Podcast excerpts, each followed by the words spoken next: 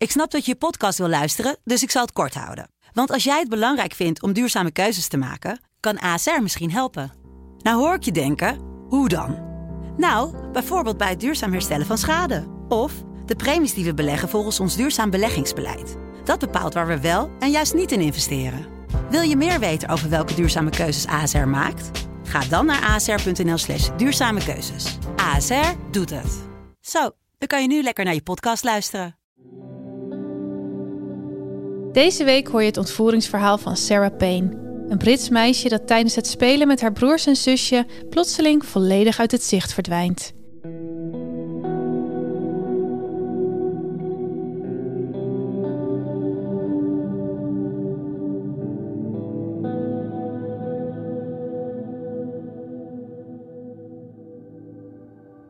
Je luistert naar de podcast Ontvoerd.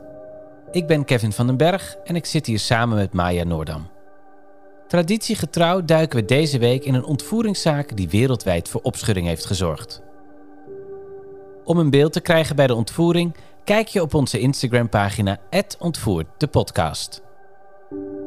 Dit is Ontvoerd, aflevering 34 in geen velden of wegen. Onze waargebeurde ontvoeringsverhalen bevatten schokkende details over geweld, seksueel misbruik, claustrofobie en of mishandeling. Ben je jonger dan 18 jaar of gevoelig voor deze details? Dan adviseren we je om niet naar onze podcast te luisteren. Sarah Evelyn Isabel Payne wordt geboren op 13 oktober 1991 in Surrey, in Engeland. Ze is het derde kind van vader Michael en haar moeder, die ook Sarah heet. Sarah's oudere broers heten Lee en Luke en ze heeft nog een klein zusje, Charlotte. Sarah is de eerste dochter van het gezin en een echt meisjesmeisje. Ze houdt van poppen, mooie jurkjes en sprookjes. Het is een lief, verlegen meisje. Het is 1 juli 2000 en de inmiddels acht jaar oude Sarah gaat met haar zusje Charlotte naar het werk van hun moeder. Zij werkt in een café waar op deze zomerse zaterdagmiddag veel mensen samenkomen om gezellig wat te drinken en waar de kinderen met elkaar buiten spelen. Vader Michael is thuis aan het slapen hij heeft de nachtdienst gewerkt en staat pas in de middag op. Moeder Sarah eindigt haar shift en neemt kleine Sarah en Charlotte weer mee naar huis. Michael is inmiddels wakker en het hele gezin besluit spontaan om naar Michaels ouders, Les en Terry, te gaan, die in West Sussex aan de kust wonen. Ze zijn al een tijdje niet geweest. Het is een prachtig weekend en ze hebben geen plannen, dus pakken ze hun spullen bij elkaar en stappen in de auto. Eenmaal daar aangekomen worden ze met open armen verwelkomd door Sarah's grootouders. Ze hebben eten gekookt en de hele familie eet gezellig samen. Na het eten ruimen de ouders op en gaan de kinderen buiten spelen. Dan besluiten ze om met elkaar een wandeling langs het strand te maken. Iedereen gaat mee, behalve Sarah's oma Les. Het is een heerlijke avond. De kinderen spelen samen op het strand en de ouderen kletsen met elkaar. Dan stelt opa Terry voor om een rondje door het dorp te lopen. Een vriend van hem heeft een huis opgeknapt en hij wil dit graag aan zijn familie laten zien. Maar de kinderen hebben veel te veel plezier op het strand en hebben geen zin om mee te gaan. Oudste broers Lee en Luke zijn 12 en 13 jaar oud, dus die mogen al vaker zelf op pad gaan. Zij kennen de weg wel bij het huis van hun opa en oma. Maar ook Sarah en Charlotte willen op het strand blijven en met hun broers spelen. Zij zijn pas 8 en 6 jaar oud, maar hun ouders vertrouwen erop dat ze veilig zijn als ze bij hun grote broers blijven. Omdat ze toch niet ver weg gaan en het huis waar oma Les nog is op slechts 100 meter afstand is, besluiten ze om de kinderen lekker op het strand te laten en zelf naar het dorpje te lopen. Wel krijgen de kinderen strikte instructies. Als ze moe verveeld raken, dan gaan ze direct terug naar oma. De kinderen stemmen in, zwaaien hun ouders en opa na en gaan weer door met spelen, rennen en schreeuwen over het strand.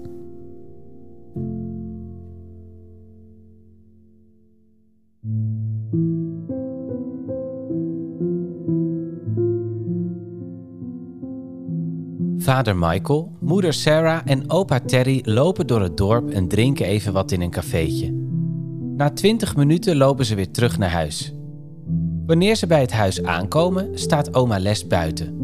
Ze houdt kleine Charlotte vast bij haar hand en Lee en Luke staan naast haar. Oma Les zegt: Hebben jullie Sarah? De jongens vertellen haastig dat ze Sarah nergens kunnen vinden.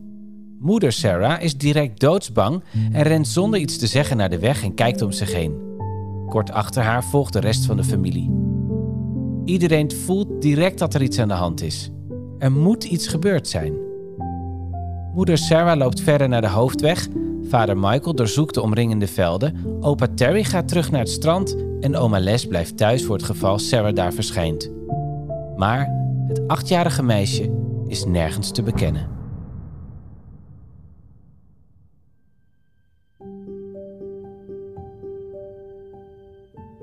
Sarah is heel verlegen en het past totaal niet bij haar om vrijwillig weg te gaan.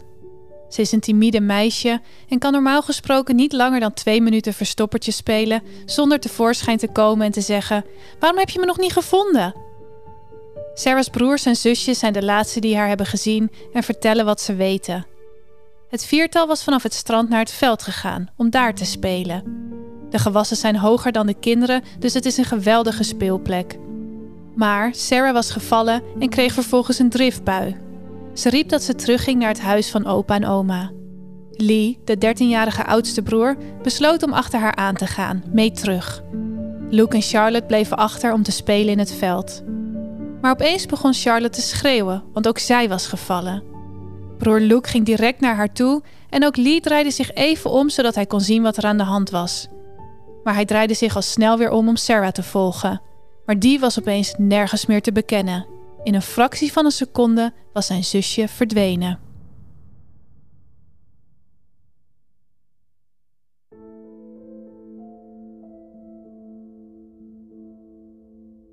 Het is inmiddels acht uur 's avonds en Sarah is al een uur niet meer gezien. De familie weet niet meer waar ze moeten zoeken. Ze stoppen mensen die langslopen om te vragen of ze Sarah hebben gezien of misschien iets verdachts, maar niemand heeft iets gezien. Wel ziet iedereen de paniek in de ogen van de familie van het meisje. Een aantal voorbijgangers biedt zelfs aan om te helpen met de zoektocht. Maar het wordt steeds donkerder en Sarah's ouders realiseren zich dat ze de politie moeten bellen. Moeder Sarah belt het alarmnummer en vertelt dat ze haar dochter kwijt is. Het achtjarige meisje is al een uur en drie kwartier spoorloos. De politie pakt de zaak direct met de hoogste prioriteit op. Agenten worden van hun taken afgehaald die ze op dat moment uitvoeren en iedereen wordt op de Sarah Payne-zaak gezet. Rond 9 uur verschijnen agenten bij het huis van de familie Payne om het hele verloop van de dag aan te horen. Van het spelen bij het werk van haar moeder tot het moment dat ze zich realiseerde dat kleine Sarah er niet meer was.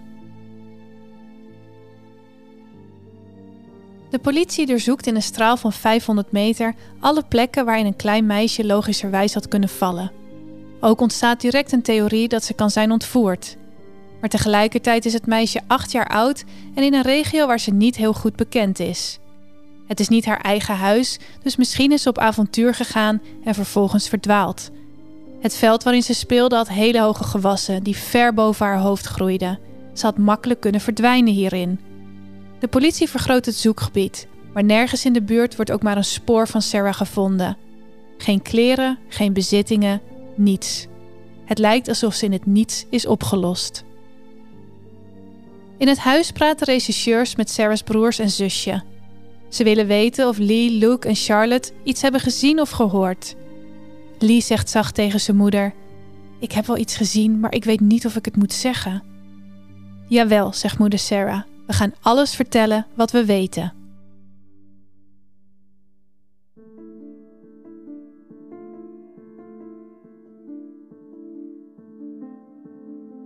Lee, de oudste broer die met Sarah was meegelopen richting het huis van hun grootouders, vertelt de agenten dat hij twee auto's heeft gezien bij de weg rond het moment dat Sarah uit het zicht verdween. Een gewone auto en een witte bus. De man in de witte bus keek naar Lee, lachte, zwaaide en reed vervolgens hard weg. De politie denkt nu dat de man in de bus misschien wel iets te maken heeft met de verdwijning van Sarah. Maar de tijd begint te dringen want ook de volgende dag wordt er niets gevonden. In 90% van de ontvoeringszaken van kinderen is de dader een pedofiel. En in die zaken wordt het kind vaak binnen zes uur vermoord.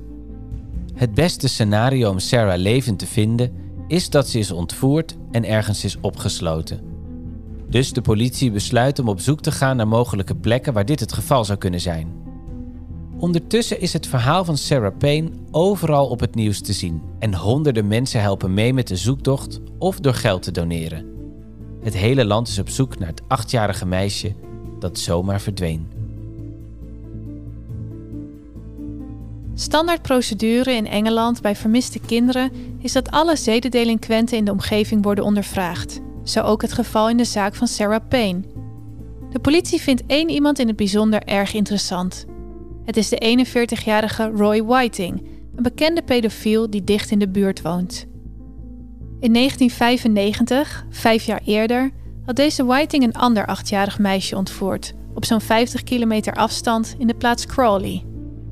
Hij had dit meisje ontvoerd vanaf de kant van de weg, in zijn auto gezet en was met haar naar een bosrijk gebied gereden. Hier verkrachtte hij het meisje en liet haar aan haar lot over. Roy Whiting werd opgepakt voor zijn daad. Voorafgaand aan zijn proces onderging hij een aantal psychologische tests om te zien waarom hij zijn misdrijf had begaan. De resultaten toonden aan dat hij geen pedofiel was. Volgens de psycholoog was het een eenmalige actie en was het niet waarschijnlijk dat hij opnieuw in de fout zou gaan. Hij werd veroordeeld tot vier jaar cel. Tijdens zijn gevangenschap werd hij opnieuw onderzocht, maar deze keer zagen de conclusies er heel anders uit. Hieruit bleek dat het niet alleen mogelijk was dat hij opnieuw in de fout zou gaan, maar zelfs hoogstwaarschijnlijk dat dit zou gebeuren. Ondanks dat werd hij al na 2,5 jaar vrijgelaten. Hij werd in het zedendelinquentregister geplaatst en verhuisde naar de kust. Een plaatsje vol kinderen en families.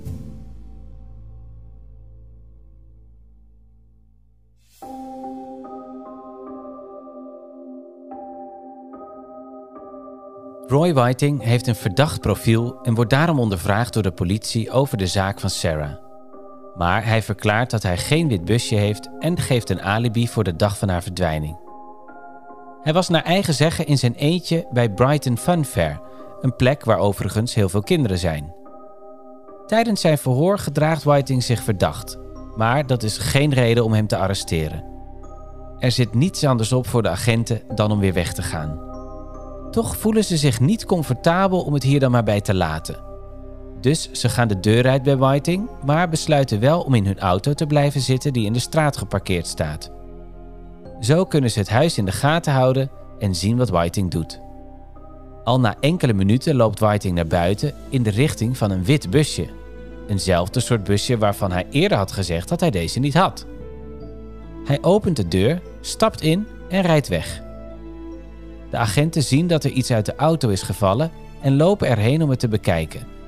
Ze pakken een wit papiertje op. Het is een bonnetje van een benzinestation, van de dag van Sarah's verdwijning. Het benzinestation is mijlen ver weg van de plek waarvan Whiting had verklaard dat hij was op die dag. Direct is zijn alibi een stuk minder geloofwaardig.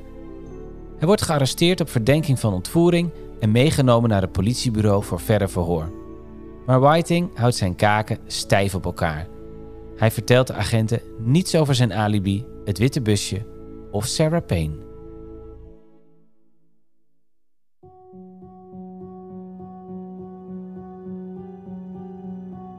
Ondertussen doet Sarah's familie elke dag een oproep in de media om te vragen om haar veilige terugkeer. De zaak is inmiddels wereldnieuws geworden en wordt overal gedeeld. Bij de zoektocht naar het meisje zijn meer dan 500 politieagenten betrokken, driekwart van de gehele politieeenheid van de regio. Daarbij zijn er nog talloze vrijwilligers, vrienden, familie en mensen uit het hele land die naar Sussex zijn gekomen. Gespecialiseerde zoekteams zoeken onder water. Helikopters worden ingezet en teams worden uitgestuurd om te zoeken naar aangeroerde stukken land. Ook zoeken ze naar vuren die onlangs zijn gedoofd, alles wat zou kunnen duiden op een mogelijke plek om een lichaam te laten verdwijnen. De zoektocht in een gebied van zo'n 30 kilometer is zo groot dat er constant kleine dingen worden gevonden. Alle kinderschoenen, speeltjes en kleertjes worden uitgebreid onderzocht, maar zonder resultaat.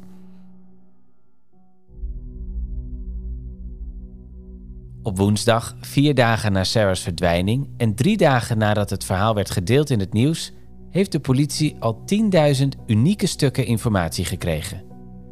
Hierover zijn duizenden en duizenden telefoontjes en mailtjes binnengekomen. Alles wordt opgevolgd, maar tevergeefs. De politie gaat langs bij de familie Payne om alle mogelijke scenario's door te spreken. Ze adviseren moeder Sarah en vader Michael om een tasje met spullen klaar te zetten voor het geval ze levend gevonden wordt, zodat ze snel naar het ziekenhuis kunnen gaan. Maar natuurlijk wordt het gezin ook voorbereid op het zwartste scenario. De kans dat Sarah nog levend terugkeert is namelijk heel erg klein.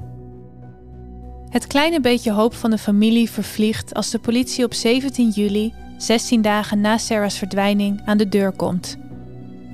De agenten gaan met moeder Sarah en vader Michael in de tuin zitten.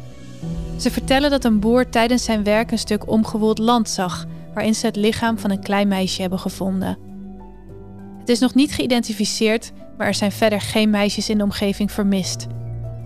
De kans dat het gaat om kleine Sarah is erg groot. Precies op het moment van het gesprek in de achtertuin wordt het nieuws ook wereldwijd gedeeld.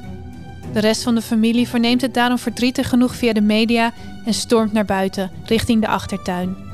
Ze schreeuwen: Is het waar? Is het waar? Al snel komen de resultaten van het DNA-onderzoek binnen. En ja, het gevonden lichaam is dat van de achtjarige Sarah Payne, die 16 dagen geleden spoorloos verdween. De vermissingszaak is een moordzaak geworden.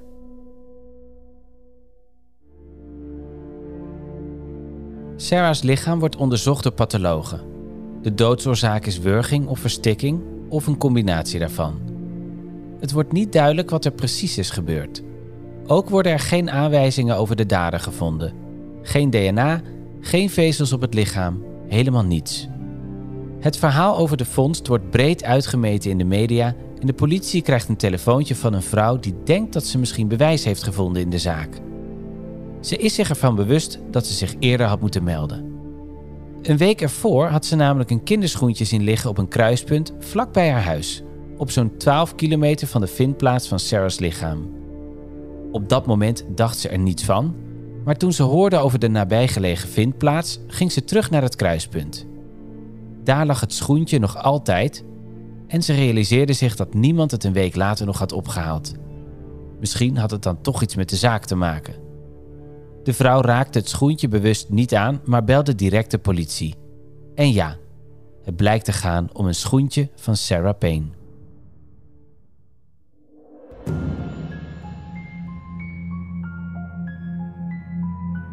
De vondst zet een hele nieuwe zoektocht in gang. Alle velden, elke heg, de wijde omgeving wordt grondig doorzocht op zoek naar nieuwe bewijzen. Ondertussen is Roy Whiting nog altijd een verdachte, maar hij was eerder bij gebrek aan bewijs vrijgelaten.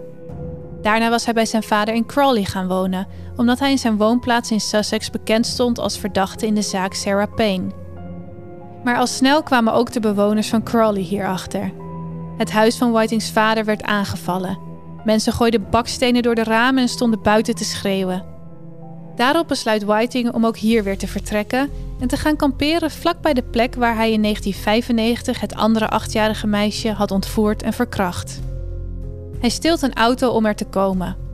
Maar Whiting is dan wel vrijgelaten, maar hij wordt nog altijd in de gaten gehouden door agenten. Zo wil de politie er zeker van zijn dat hij niet van de radar verdwijnt of opnieuw een meisje iets aandoet. Dus wanneer hij de auto steelt, zien agenten het gebeuren. Hij rijdt ook nog eens aan de verkeerde kant van de weg en veel te hard. De politie wil hem aanhouden, maar hij negeert de stopsignalen. Er ontstaat een achtervolging op hoge snelheid die lang doorgaat, totdat Whiting crasht tegen een geparkeerde auto en wordt gearresteerd.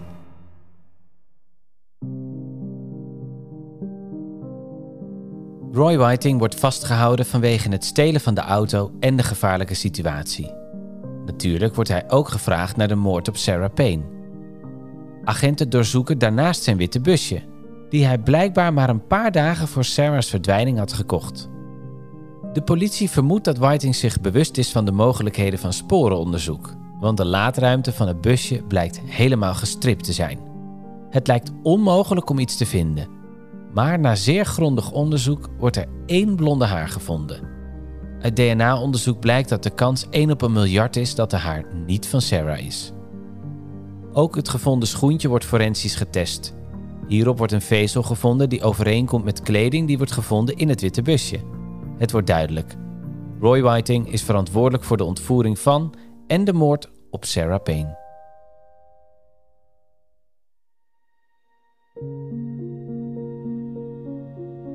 Whiting wordt gearresteerd voor moord terwijl hij nog in de gevangenis zit voor roekeloos rijden. Op 1 februari pleit hij niet schuldig op alle aanklachten. Dat betekent dat er een volledige rechtszaak in gang wordt gezet, die start in november van dat jaar. Ook dan ontkent Whiting enige betrokkenheid bij de zaak. Maar de vezels op het schoentje, de haar in het witte busje, de bonnetjes die zijn alibi ontkrachten, het bewijs is zeer overtuigend. Het proces duurt uiteindelijk 19 dagen, waarna de jury hem schuldig bevindt op alle aanklachten rondom ontvoering en moord. Hij wordt veroordeeld tot levenslang met een minimum van 50 jaar. In 2051 komt hij in aanmerking voor voorwaardelijke vrijlating wanneer hij 92 jaar oud is. Maar zelfs als hij zo oud wordt, gelooft de politie niet dat hij echt vrijkomt. Roy Whiting blijft dus voor altijd opgesloten zitten.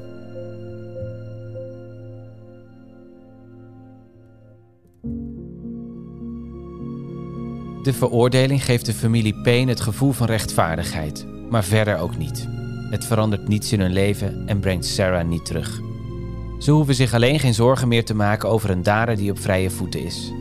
Door de lange gevangenisstraf lijkt het erop dat ze dit ook nooit meer hoeven te doen. In augustus 2002 werd Roy Whiting in de gevangenis met een scheermesje aangevallen door een andere gevangene die vastzat voor moord. Hij overleefde de aanval, maar hield er een enorm litteken in zijn gezicht aan over. In 2011 werd hij nogmaals aangevallen door een medegevangene die hem stak in zijn oog. Whiting overleefde het opnieuw. Beide aanvallers kregen geen extra celstraf voor hun daad.